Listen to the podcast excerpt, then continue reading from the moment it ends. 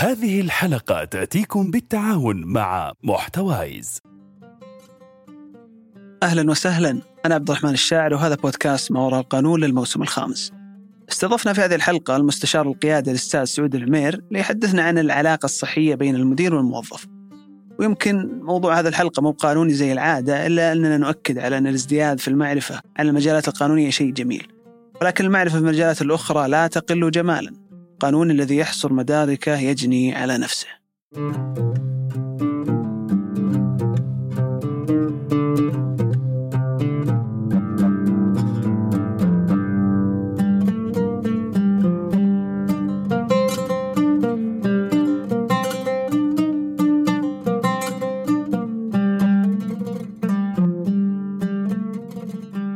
يا هلا والله أبو فيصل. حياك الله سي عبد الرحمن يا هلا والله. أسعدتنا بحضورك اليوم. الله يسعدك إن شاء الله. وشرفتوني بالدعوة. الشرف لنا يعلم الله. أبو فيصل في هذه الحلقة إحنا بنحاول آه، نوضح للمستمعين كيفية إدارة العلاقة بين المدير والموظف بشكل صحي وسليم. بإذن الله بيكون عندنا شقين. الشق الأول بنتكلم فيه عن منظور المدير آه، والشق الثاني من منظور الموظف. وقبل ما نبدأ آه، في منظور المدير ودنا نعرف مفهوم كرسي الإدارة من وجهة نظركم. بسم الله الرحمن الرحيم. الحمد لله والصلاة والسلام على رسول الله. موضوع كبير طبعا. الإدارة والقيادة دائما موضوع كبيره جدا وألفت فيها الكثير من الكتب. لكن أنا من وجهة نظري إنه كرسي الإدارة هي مسؤولية إدارية وأخلاقية ومهنية لقيادة فريق عمل لأداء مهام واضحة وتطوير فريق العمل. طيب أبو فيصل آه، كثير من المدراء يحتارون بحدود العلاقة بينه وبين الموظفين. فتجد دائما يسعى إنه يكون مثلا علاقته مفتوحة معهم يحاول إنها تنعكس بإيجابية على بيئة العمل. فوش العلاقة مناسبة من وجهة نظرك بين المدير والموظف تحت إدارته؟ أنا أعتقد إنه آه، يعني الخطوة الأولى لأي علاقة آه، بين اثنين نتكلم الآن على بيئة العمل بين مدير وموظف آه،. أن تبنى فيها الثقه من الطرفين ثقة الموظف بمديره وأيضا ثقة المدير بالموظف فهذه من الأشياء المهمة جدا لا شك إن الثقة يعني لا تعطى بالمنصب ولا تعطى بالخبرة ولا تعطى ولكنها تكتسب من الأقوال والأفعال ال- العلاقة يجب أن تكون ودية مم. آه إنما يجب أن يكون فيها أيضا حدود، حدود المسؤولية يجب أن يكون لا تتعدى يعني ال- ال- العلاقة الخاصة جدا بين المدير والموظف بحيث أنها. تصبح علاقة زمالة أكثر منها علاقة عمل، إنما يجب أن تكون فيها ودية، يجب أن يكون فيها احترام، يجب يكون فيها تمكين، تطوير، أيضا لأنه أحيانا إذا تعدت إلى أن صارت علاقة ودية جدا. آه، قد يصعب على المدير التعامل مع الموظف، آه، قد. يصعب عليه لأنه صار زميل وليس موظف. أبو فيصل بخصوص المدير الجديد أو ما يسمى مثلا زميل الأمس مدير اليوم. فلما يتم مثلا ترقيه موظف هو اعتاد إنه يكون بين زملائه وفجأة صار يعني يرأسهم. فاحيانا تكون في حساسيات في البداية. فوش التوجيهات مثلا اللي تعطيها لهذا النوع من المدراء؟ هذه تحصل كثيرا يعني وهذا الوضع الطبيعي. أساسا يعني أي منظمة زي الهرم فكل ما تطلع أعلى بالمناصب كل ما تقل الفرص. فمن الطبيعي لما يكون مثلا عندك منصب آه، مشرف أو مدير أو مدير عام وعندك خمسة ستة لابد أن واحد منهم بيأخذ المنصب والبقية بيبقون. فهذه يجب أنه ينظر لأن هذا هو الوضع الطبيعي والوضع الصحي أنه زميلك قد يصبح مديرك في الغد. ال- المنصب هو مسؤولية. هي مم. مسؤولية عن إدارة فريق هي مسؤولية عن أيضا إدارة مهام العمل. الأهم وهو ذا يمكن يقع على جانب المنظمة هو الحذر في الترقيات ووجود معايير محددة للترقيات. يعرفها الجميع حتى لا تتفاجأ أنه والله يترقى شخص وهو أساسا ما يستحق. المعايير غير واضحة يمكن ال- الشروط غير واضحة فيتفاجأ الموظفين أنه فلان من الناس أصبح مديري وهو أساسا أنا أفضل منه أفضل منه بالأداء أفضل منه بالخبرة أفضل منه بالمؤهلات فإذا وضوح المعايير من قبل المنظمة أنا أعتقد أنه هذه أهم شيء لأنه إن لم توجه هذه بلا شك أنها تخلق نوع من ال- ال- الحزازيات. آه، زي ما تفضلت هو كان زميلي وكنت أنا أفضل منه أداء وأفضل منه خبرة وأفضل شيء ولكن أتفاجأ في يوم وليلة أنه صار مديري. فهذه من الأشياء التي تواجه كثير من المنظمات بعدم وضوح المعايير. طيب بخصوص التقييم السنوي يمكن يكون أكثر الإشكالات اللي تثار. آه، لما تجي آه، أو يجي وقت مثلا نهاية السنة واللي يتم فيه مثلا تقييم الموظف.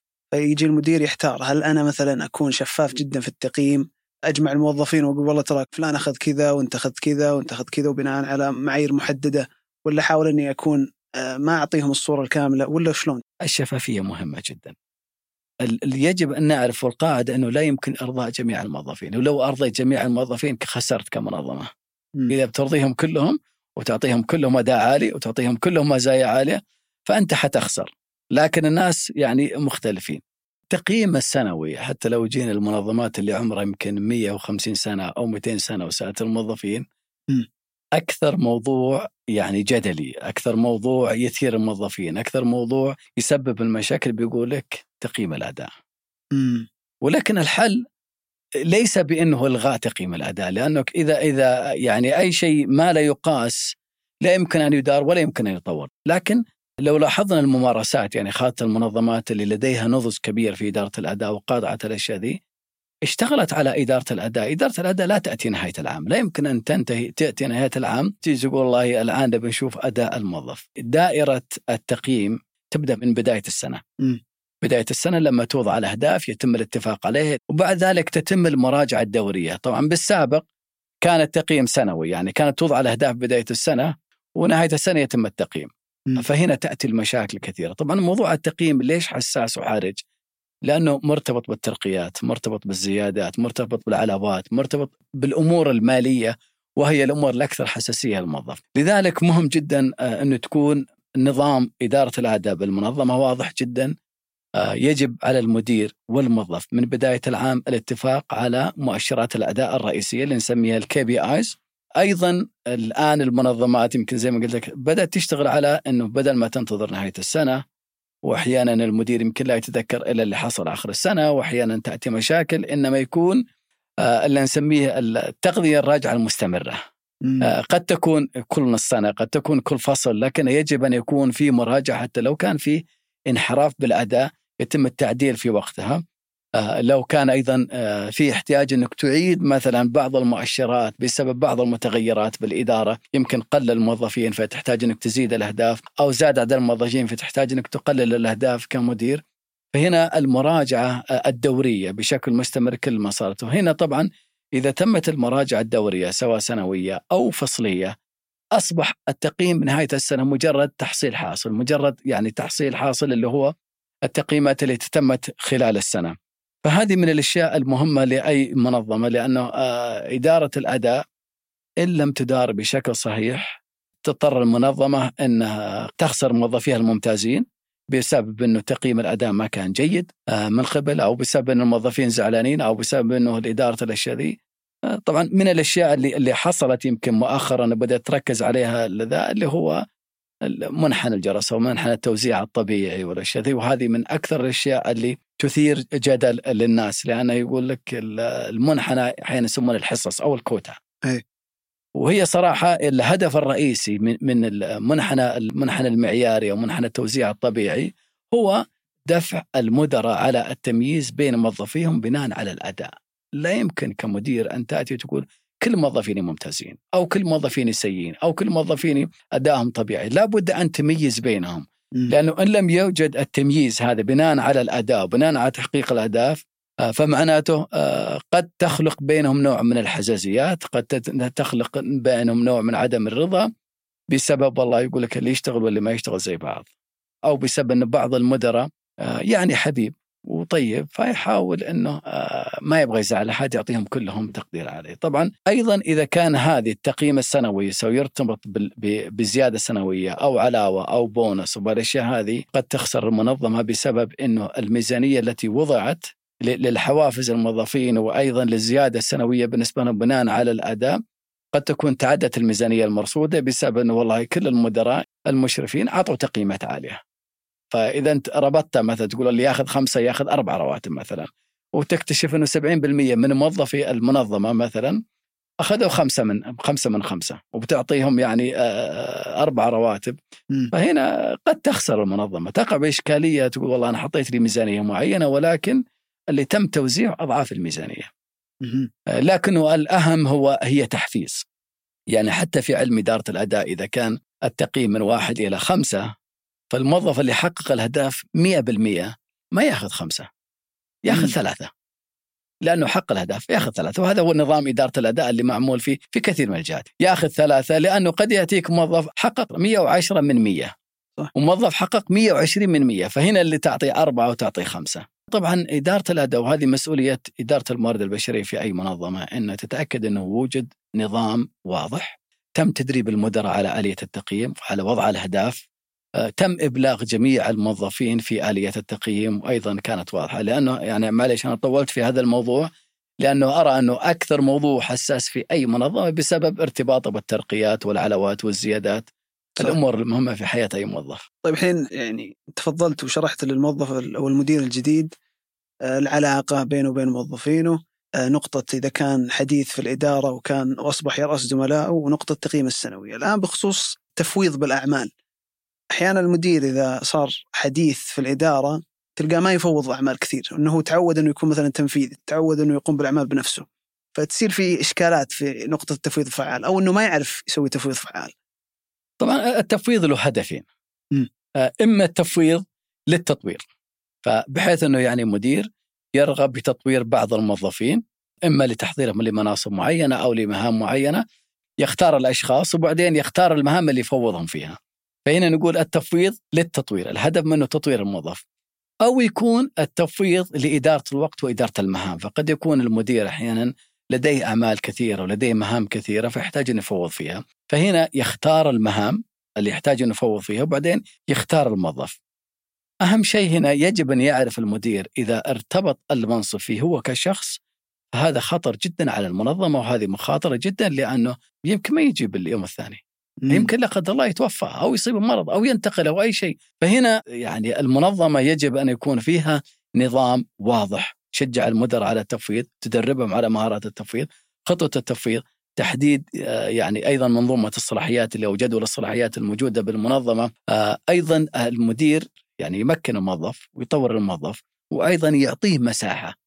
لأنه هذا التفويض بلا شك إنه يخفف العبء على على المدير من ناحية المهام بحيث إنه ما ترتبط كل شيء فيه لأنه ال- الكل يتفق إن المركزية سيئة.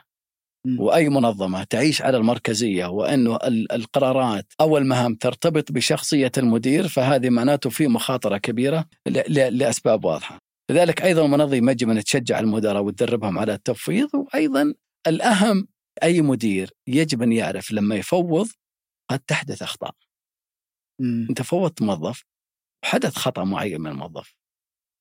قدرة الموظ- المدير على معالجة هذا الخطأ تعطي تصور وانطباع على قدرته على قيادة هذا الفريق. إذا كان يعني آه، ارتكب الموظف خطأ بسبب إنه اجتهد وبعدين سحب منه التفويض أو ترك التفويض فمعناته قتل ثقة الموظف وكان الموظف يقول بعد ذلك أنا لا تفوضني ولا توكلني أنا خلني معي أموري زي ما هي.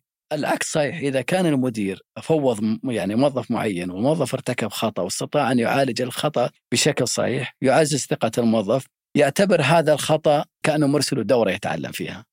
تترك المهمه لدى الموظف لا تسحب منه ولا تفقد الموظف ثقته بسبب إنه أخطأ في مهمه فوض عليها. أبو فيصل ودنا ندخل في منظور الموظف. أه، لو كتب الله على شخص وجد نفسه تحت مدير سيء. متسلط لا يقدر الجهود المبذولة ما يراعي الظروف مهما كانت. كيف يصير التعامل بأفضل شكل يعني؟ يعني آه، المدير يختار موظفيه لكن الموظف ما يختار مديره. هذه هذه يعني هذه قاعدة. ولذلك إذا كانت إرادة الله أن إنسان آه، يعمل تحت مدير سيء فأنا أقول هذه أكبر فرصة بالنسبة له أن يتعلم جميع الأشياء التي يجب أن لا يعملها بالمستقبل. أها. فدائما أفضل دروس الحياة نتعلمها من أسوأ مدراء عملنا معهم. لأنه دائما التصرف السلبي يكون واضح، ال- الإيجابي متوقع و- و- وأنه هذا شيء حتمي. لكن التصرف السلبي أو الإدارة السيئة هي اللي دائما تطرح للأشخاص، فهذه صراحة يعني أشياء مهمة جدا إن الإنسان يعرف أخطاء الإدارة وأخطاء القيادة على. مم. آه طبعا نقول الموظف حاول إنك توجد آليات للتفاهم مع مديرك، آه الموائمة مع المدير، التواصل مع المدير إذا كان هذا المدير سيء. طبعا المدير قد يكون يعني سيء بسبب إنه ما يعرف يدير العمل. مم. يعني ما عنده خبرة كافية، ما عنده قدرات، ما عنده مثلا الاشياء ذي وهذه أنا أعتقد إنه ممكن تنحل يعني قد يكون أيضا هنا وجهة نظر مختلفة يمكن اللي يراه موظف يمكن ما يراه موظف آخر وقد بعض المدراء يقول مد- المدير ممتاز. لكن إذا كان المدير سيء سلوكيا يعني قد يكون إنسان آه، يمكن يغلط على الموظف، يمكن يتلفظ على الموظف بسبب خطا والأشياء ذي، آه، يمكن يحاول إنه يحتقر الموظف أو إنه يوجد عليه أخطاء أو الأشياء هذه، فأنا أقول تعلم الدرس وأهرب. الهروب أفضل في هذه الحالة، يعني الحياة أرحب وأشرح وأقصر من الإنسان إنه يقضيها مع مدير، لأن المدراء هم من يصنعون بيئة العمل. وليس الموظفين. المدراء هم اللي بيديهم السلطة هم اللي يد العليا هم اللي يصنعون البيئة. ولذلك جينا أفضل بيئات العمل وشفنا المدراء تجد مدراء يعني آه، جيدين لديهم مهارات قيادية. والعكس صحيح لو وجدنا بيئة الناس بيئة طاردة الناس تهرب منهم ناس من الإحباط وبحثت في هذه البيئة ستجد أنه المشكلة الرئيسية هي عدم وجود مدراء جيدين هذا أبو فيصل واحد من الأصدقاء واجهته مرة في مناسبة فمع السوالف كان يشتكي عن المدير. مدير مباشر يقول إنه سيء وما أقدم شغل إلا ويحاول يعدل عليه وما أقدم فكرة إلا يحاول يعارضها يدور أي شيء إنه يكون فيها خطأ. قلت له يعني طريقتك في التواصل معه هل قد مثلا اجتمعت معه تسأل عن نقطة معينة؟ قال لي لا يا أخي ما ما يفهم شيء. فوجدت إنه المدير كان من أنواع المدراء اللي يسمونه مدراء الباراشوت اللي يكون مثلا من خارج القطاع والمنشاه جت حطتها في هذه الإدارة. فاحيانا يكون الموظفين تحته أعلى منه في المجال في مجال العمل. أنا قلت له بعفوية كذا قلت له طيب حاول تتكلم معه. مو معقول يا أخي يكون إنك تكون مثلا أفضل منه في كل شيء. كان عند الرجل أشياء تتعلم منها. سبحان الله مرت الأيام وبعد فترة وجدت إنه صار يقول لي والله علاقتي مع مديري صارت كويسة. قلت له شلون إيش سويت؟ قال يا أخي صرت قبل مثلا ما أقدم الشغل صرت أستشيره في نقطة معينة إذا أنا محتار فيها. يقول سبحان الله صرت ألقى إجابة. ابو فيصل أحيانا آه، يعني آه، السوء ما يكون في المدير. ما في شك. يمكن يكون سوء تفاهم. وهنا نرجع للقضية الرئيسية في أي علاقة خاصة علاقة موظف ومدير وهي الثقة. هل أنا أثق في مديري بحيث أني ممكن أتواصل معه؟ ممكن أعطيه تغذية راجع هل يتقبل ولا يأخذها ضدي ولا الأشياء هذه؟ والسؤال دائما يقال يعني ممكن الموظف يعني هو الإشكالية ليش الموظف ما يبادر؟ أنا أقول المدير هو صاحب اليد الطولة المدير يستطيع أن يستدعي موظف عنده في أي لحظة ويعطيه توجيه. المدير يستطيع أنه وجد أي ملاحظة ممكن يعطيها للموظف. المدير بدأ أيضا عامل التحفيز والولاء والرضا الوظيفة وأشياء كثيرة. الموظف أحيانا قد يجد صعوبة أنه يجلس مع مديره. صح يجد صعوبة أحيانا موظف يقول أنا ودي أجلس مع مديري بس ما, ما يعطيني وقت. كل ما أبغى اجلس معه مشغول، كل ما اجلس معه يعني ما هو فاضي، أخاف إني أعطيه أي توجيه، يعني المدير ممكن يوجه الموظف. يقول أعمل كذا أبغى أتوقع منك كذا، يعني اقترح عليك تعمل كذا. لكن الموظف هل عنده البيئة الآمنة والثقة إني أروح مديري وأقول له والله أنا تمنيت إنك عملت كذا، تمنيت إنك أعطيتني كذا ويمكن ياخذها ضدي، لكن صراحة يعني نقول يعني أيضا المدراء هم أيضا موظفين والموظف ممكن يكون مدير. متى ما وجدت آلية التواصل بين المدير وبين الموظف كثير من الأمور تنحل. في الغالب الناس ليسوا سيئين بطبعهم لكن أغلب الخلافات اللي تصير بين البشر هي بوجود أو باختلاف نمط شخصيتهم أو نمط تفكيرهم. فاختلاف الأنماط في التفكير وأيضا في التعامل وفي التواصل تجعل أمور بسيطة جدا آه، تتفاقم وتصير مشكلة. وهنا نقول آلية التواصل. آلية التفاهم، أنت يعني كمدير كن قريبا من موظفيك. أيضا أخلق البيئة الآمنة، بعض المدراء يقول أنا بابي مفتوح. سمعت مرة أحد المدراء يقول والله أنا في اجتماع كبير كان يقول موظفي يقول أنا بابي مفتوح اللي عنده شيء يجي وأستغرب إنه ما حد يجي للمكتب قلت والله يا أخي ترى ما أدري بس لازم تسأل نفسك ليش الناس ما يجون؟ ما هي قضية إنه افتح الباب ولا سكر الباب. قضية إنك هل أنت عقليتك منفتحه ولا لا؟ هل أنت قلبك منفتح ولا لا للناس؟ ولا ما هي قضية إنه باب ولا شيء. إذا أنت تقول والله أنا بابي مفتوح وتتفاجئ إنه ما حد يجيك كمدير فمعناته عندك إشكالية. معناته الناس تتخوف منك. ولذلك المنظمات الناجحة وأنا شفت في بعض المنظمات حتى بالمملكة دائما المدير الجديد يحاول أنه يجتمع مع فريق العمل ويعملون نوع من الموائمة اللي هي التوقعات. ماذا أتوقع منكم؟ وش الأشياء اللي تتوقعون مني؟ طبعا زي ما تفضلت انه أحيانا يجي مدير يعني آه، باراشوت ولا يجي من منظمة مثلا أخرى وهو خارج من بيئة مختلفة. هذه فيها ميزة إنه الشخص جاي بعقلية مختلفة. فهو جاي من خارج الدائرة وخبرات جديدة والاشياء هذه. لكنه أيضا الخطورة فيها إذا هذا الشخص ما يناسب بيئة العمل بالموجودة في هذه المنظمة قد يخلق مشاكل كثيرة. قد يخلق مشاكل كثيرة لأنه يمكن ما يعرف الأمور الداخلية ولكنها دائما هذه فرصة لأي منظمة أنك أحيانا إذا أنت تبغى تعمل عملية تحول كمنظمة. يعني تبي تنفض كل شيء تبي تغير كل شيء الأفضل أنك تجيب له واحد بعقلية مختلفة واحد من الخارج. إذا أنت تبي تحافظ على الأمور يعني العمل ممتاز وكل شيء ماشي ممتاز ولا شيء تبي تحافظ عليها فالأفضل أنك يكون المدير يكون من الداخل. مم. فطبعا يعني هذه منهجيتين وكثير من المنظمات طبق هذه أبو فيصل تكلمت عن كيفية تقييم الموظفين بشكل فعال طيب لو حصل الموظف على تقييم آه، يرى أنه ظالم بشكل كبير كيف يتعامل معه يعني ال- ال- القاعدة الناس ليس متساويين في كل شيء صح. هذا يسمونه المنحنى التوزيع الطبيعي لأنه يقول لك الناس مختلفين مم. قد يكون يعني لو لو حتى لو لو تكلمنا على الأداء وحطيناها من واحد إلى خمسة يمكن إنك تلاقي لك مثلا 2 3% من الموظفين واحد وأيضا 2 3% على خمسة والبقية بالتوزيع الداخلي. أحيانا الموظف قد يرى إنه ظالم لأنه أخذ مثلا تقييم أقل من غيره والاشياء هذه، هنا نقول أهم شيء الموظف يجب أن يسأل نفسه هل اتفقت مع مديري من البداية على الأهداف؟ هل كان لي دور في وضع الأهداف؟ هل جلست مع مديري؟ مديري والله خلينا نقول المدير آه، كان مهمل. خلينا نقول المدير كان مهمل ولا في نظام شديد في المنظمة لذلك ما وضع أهداف. هنا نقول للم- للموظف اجلس مع مديرك من بداية السنة وقول والله الآن على أساس إني أتأكد إن أدائي جيد على أساس اني كذا ودي أتفق معك على الأهداف. وش الأشياء اللي تحتاج إني أركز عليها خلال هذه السنة؟ أعطني أهداف واضحة. نفترض إن المدير ما وضع الأشياء هذه. اتفق مع مديرك على هذه الأهداف. آه، لا تنظر لزملائك الآخرين، قد تكون أنت حققت 100% لكن زميلك اللي جنبك يمكن حقق 110%. صح. يعني هذه الأشياء لا يمكن ترضي الجميع وليس الهدف إرضاء الجميع في أي تقييم في أي منظمة لأنك إذا ترضي الجميع معناته عندك إشكالية. مم. إنك تقول والله آه، ظلم الجميع عدل فأنا ب... الجميع بنزلهم تحت ما في أحد ياخذ خمسة ولا في أحد ياخذ أربعة كل الناس واحد واثنين وثلاثة وبنزلهم تحت. هنا عندك إشكالية. أو تقول والله أنا كل الناس بعطيهم أربعة وخمسه كل الناس بتطلعهم فوق.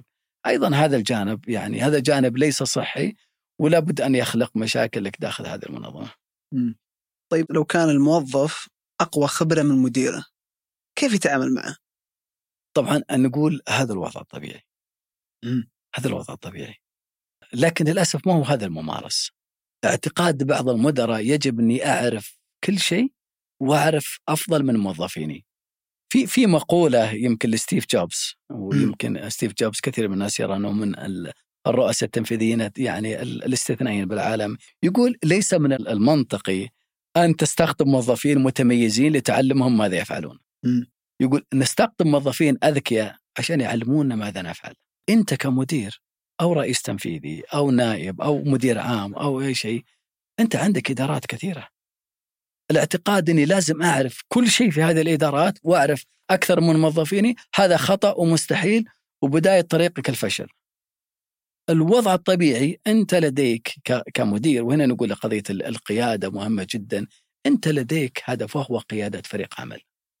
أنت كمدير لا تتعامل مع العملاء بشكل مباشر لكن تعامل معهم الموظف العميل يعرف الموظف أكثر ما يعرف كمدير وذلك قد يكون الموظف أفضل في التعامل مع العملاء وحل مشاكلهم والتواصل والأشياء هذه فنقول الوضع الطبيعي إن أنت كمدير تجيب ناس أصحاب خبرات أصحاب مواهب تعطيهم مساحة وأنت تفوضهم وتطورهم وتمكنهم عشان يعملون لكن الاعتقاد أني أنا كمدير يجب إني أكون أفضل من موظفيني جميعا لا مو صحيح. لكن المتوقع أنك تكون أفضل في قضية إدارة فريق العمل، في التحفيز، في التمكين، في التطوير. هذا يجب أن يكون لديك هذه المهارة، لكنك ما هو معقول أنت تصير أفضل من المبرمج وأفضل من المطور وأفضل من المحاسب وأفضل من الأشياء هذه، فهذه إشكالية يعني، لذلك أحيانا نشوف أفضل ال- القياديين أفضل قياديين أحيانا قد يقود جهة معينة مثلا وهو أساسا ما عنده الخبرة أو المؤهل في هذه الجهة. يمكن لو أخذنا مثال مثلا وزارة الصحة مثلا. وزارة الصحة طبعا أغلبها مستشفيات وأطباء والأشياء دي ولكن قد نجد أفضل الوزراء هو الإداري وهو ليس طبيب. صح. قد نجد مثلا بعض ال- الوزارات الفنية ويمكن أفضل قيادين هو ما هو مهندس. وهو اللي ينجح في الأشياء هذه. طيب بيجي واحد يقول طيب كيف مثلا يقود وزارة الصحة ولا مثلا مستشفى شخص وهو أساسا ما هو ما هو طبيب نقول هو شخص قيادي مسؤوليته ليست معالجة المرضى مسؤوليته قيادة هذه المنظمة. يعني أنا أنا أضربها بأمثلة أحيانا ويمكن معلش هذا مثال خارجي شوي. إيه. أضربها مثال ال- الأندية الرياضية. يعني زمان كانت الأندية الريفية ما عندها قدرة تجيب مدرب. فالكابتن هو المدرب. كابتن الفريق هو المدرب. مدرب يعني يصير خارج هذا ويصير على البنش على الدكة ويوجه الفريق كمدرب. لكن إذا شاف الأمور ما هي ماشية لبس الفنيلة ودخل ولعب. إيه. فنقول هنا إذا إذا قائد المنظومة أو كابتن الفريق بالملعب إذا من اللي يوجه ومن اللي ينظر ومن اللي يشرف؟ نفس الشيء هنا. إذا كان مثلا الوزير ولا شيء في غرف العمليات وبالعيادات والاشياء ذي يعالج المرضى إذا من اللي يدير؟ من الذي يراقب؟ من الذي يشرف؟ يعني نصيحتي لكل من لديه منصب قيادي وإداري استقطب الأفضل وأعطهم فرصة. ولا تعتقد إنه هذا نقص فيك إن الموظف عندك يفهم أكثر منك بل إنه هذا الوضع الطبيعي إذا أنت تجيب لك موظف خبير وتعلمه وش الأشياء اللي تسويها إذا سواها أنت ليش ليش تعلمه؟ صح. زي الشخص اشترى له صقر اشترى له صقر طير يعني وصقر وض... ف وجاب له قفص حق حق حق بلابل وحطه فيه حطه فيه مع الوقت حاجتين حتصير لا ثالث لهما. إما أن الصقر هذا يفقد قدرته على الطيران ويصير زي الدجاجة. ما لا يطير ولا شيء خلاص خمل وكذا و... واستسلم شيء. أو إنه يكسر القفص ويطلع ويطير. مم. نفس الشيء إذا أنت تجيب موظف متمكن وشخص موهبة وقدرة وتحجمه مع الوقت ممكن يفقد قوته على العطاء يفقد طموحه يفقد حماسه ويصير موظف خامل جدا. أو صح. إنه نقول اللي يكسر القفص إنه يطلع ويترك يروح مكان ثاني. طيب أبو فيصل ودنا نختم الحلقة بنصائح أخيرة آه للمدير وللموظف. نصائح أخيرة زي ما تفضلت المدير والموظف. أنا أقول أول شيء الدور الذي يقع على عاتق أي مدير بناء الثقة بينك وبين الموظف. الثقة هي الشيء الوحيد الذي يدخل في كل شيء. يدخل في كل شيء. ومتى ما زادت الثقة وبنيت الثقة انحلت المشاكل وصار فيه يعني في استبقاء للموظفين آه، المحافظة على طموحهم المحافظة أيضا على حماسهم. ال- ال- الشيء الثاني التواصل الدائم. أنت كمدير يجب أن تكون قريب من موظفينك. أخلق بيئة آمنة بحيث الموظف يجي ويعطيك يعني يقول لك كل اللي في باله. يطلب المساعدة. آه، رجع وجد حاجة مثلا يعني قد تزعجه أو تضايقه ممكن يتكلم عندك كمدير. هذه طبعا مرتبطة بال- بالنقطة اللي قبلها الثقة. إذا كنت أثق في مديري بتكلم معه. إذا كنت ما أثق فيه معناته راح أتكلم. لذلك بناء الثقة مهمة جدا.